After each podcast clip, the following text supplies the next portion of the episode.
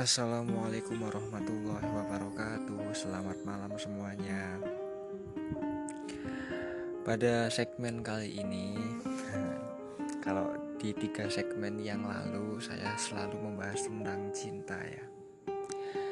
Pada segmen kali ini saya akan sedikit mengulas Bukan tentang cinta lagi Karena ada beberapa request dari teman saya. Coba dong bahas tentang diri sendiri, tentang menjadi diri sendiri. Oke, kali ini akan akan sedikit saya bahas mengenai itu. Dimulai dari gini. Kalau saya ngomong sama teman saya itu gini. Kamu jadilah diri sendiri. Being yourself jadilah diri sendiri. Dalam artian gini, banyak sekarang orang-orang banyak yang kelihatannya yang mereka tunjuk itu diri sendiri. Yang mereka lihat itu diri sendiri ternyata enggak. Mereka nunjuk orang lain karena mereka nggak tahu diri sendiri. Mengenali diri sendiri adalah sesuatu hal yang sangat penting. Sesuatu hal yang mendasar harusnya. Bahkan ada sebuah hadis yang mengatakan gini. Man arafa binafsihi fakoda arafa fakoda arafa robbah. Barang siapa yang mengenali dirinya sendiri, maka dia sungguh-sungguh telah mengenali pada Tuhannya.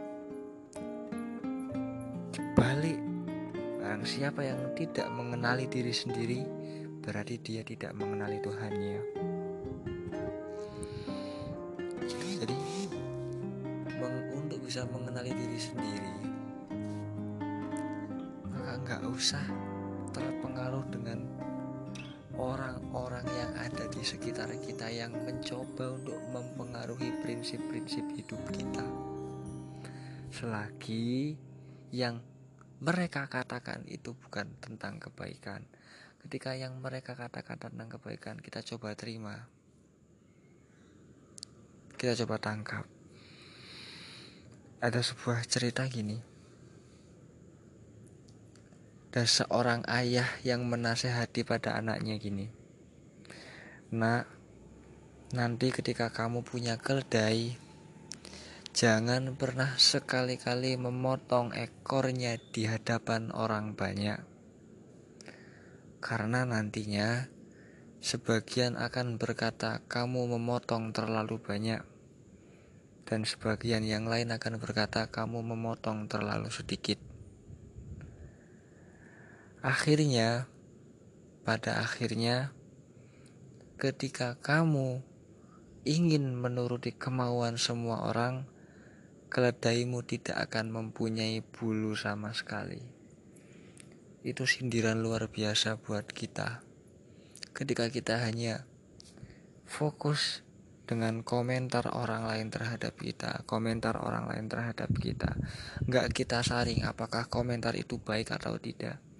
Maka yang terjadi apa? Kita akan kehilangan jati diri kita. Dan sekarang kan gini, kasusnya orang yang kurang bahagia atau bahkan tidak merasa bahagia sama sekali itu kan kasusnya gini. Karena mereka tidak bisa mengenali diri sendiri. Itu kasusnya. Ada sebuah cerita lagi tentang sebuah cerita dalam filsafat tentang orang-orang yang ahli dalam tasawuf yaitu Robiah dan Hasan Bisri. Jadi suatu ketika Hasan suatu ketika Robiah ini kehilangan kunci di dalam rumah. Waktu itu posisi rumahnya itu gelap karena zaman dahulu belum ada listrik, belum ada lampu. Dan lilinnya waktu itu habis. Jadi kondisi rumahnya gelap dan dia kehilangan kunci di dalam rumah.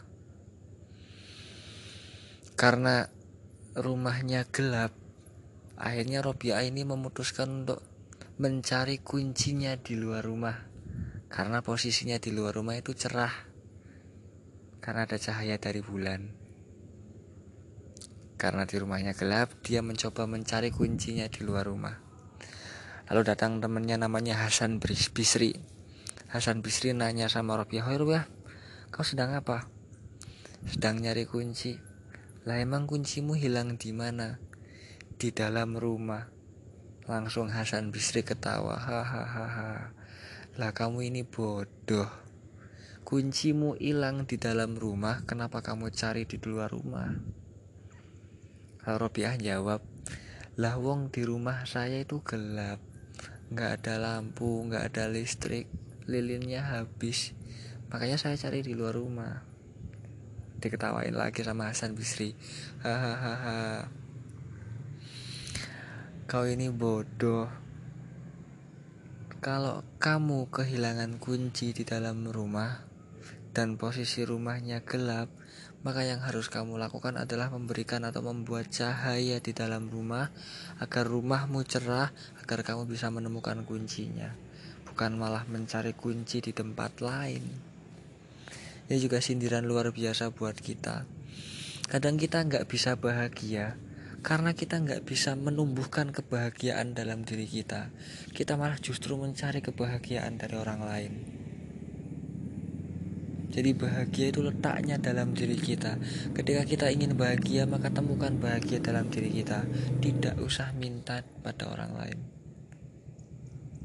Itu pentingnya mengenali diri. Ketika kamu mengenali dirimu, maka kamu akan mengenali Tuhanmu. Ketika kamu mengenali dirimu, maka kamu akan bahagia dalam hidupmu. Terima kasih. Assalamualaikum warahmatullahi wabarakatuh.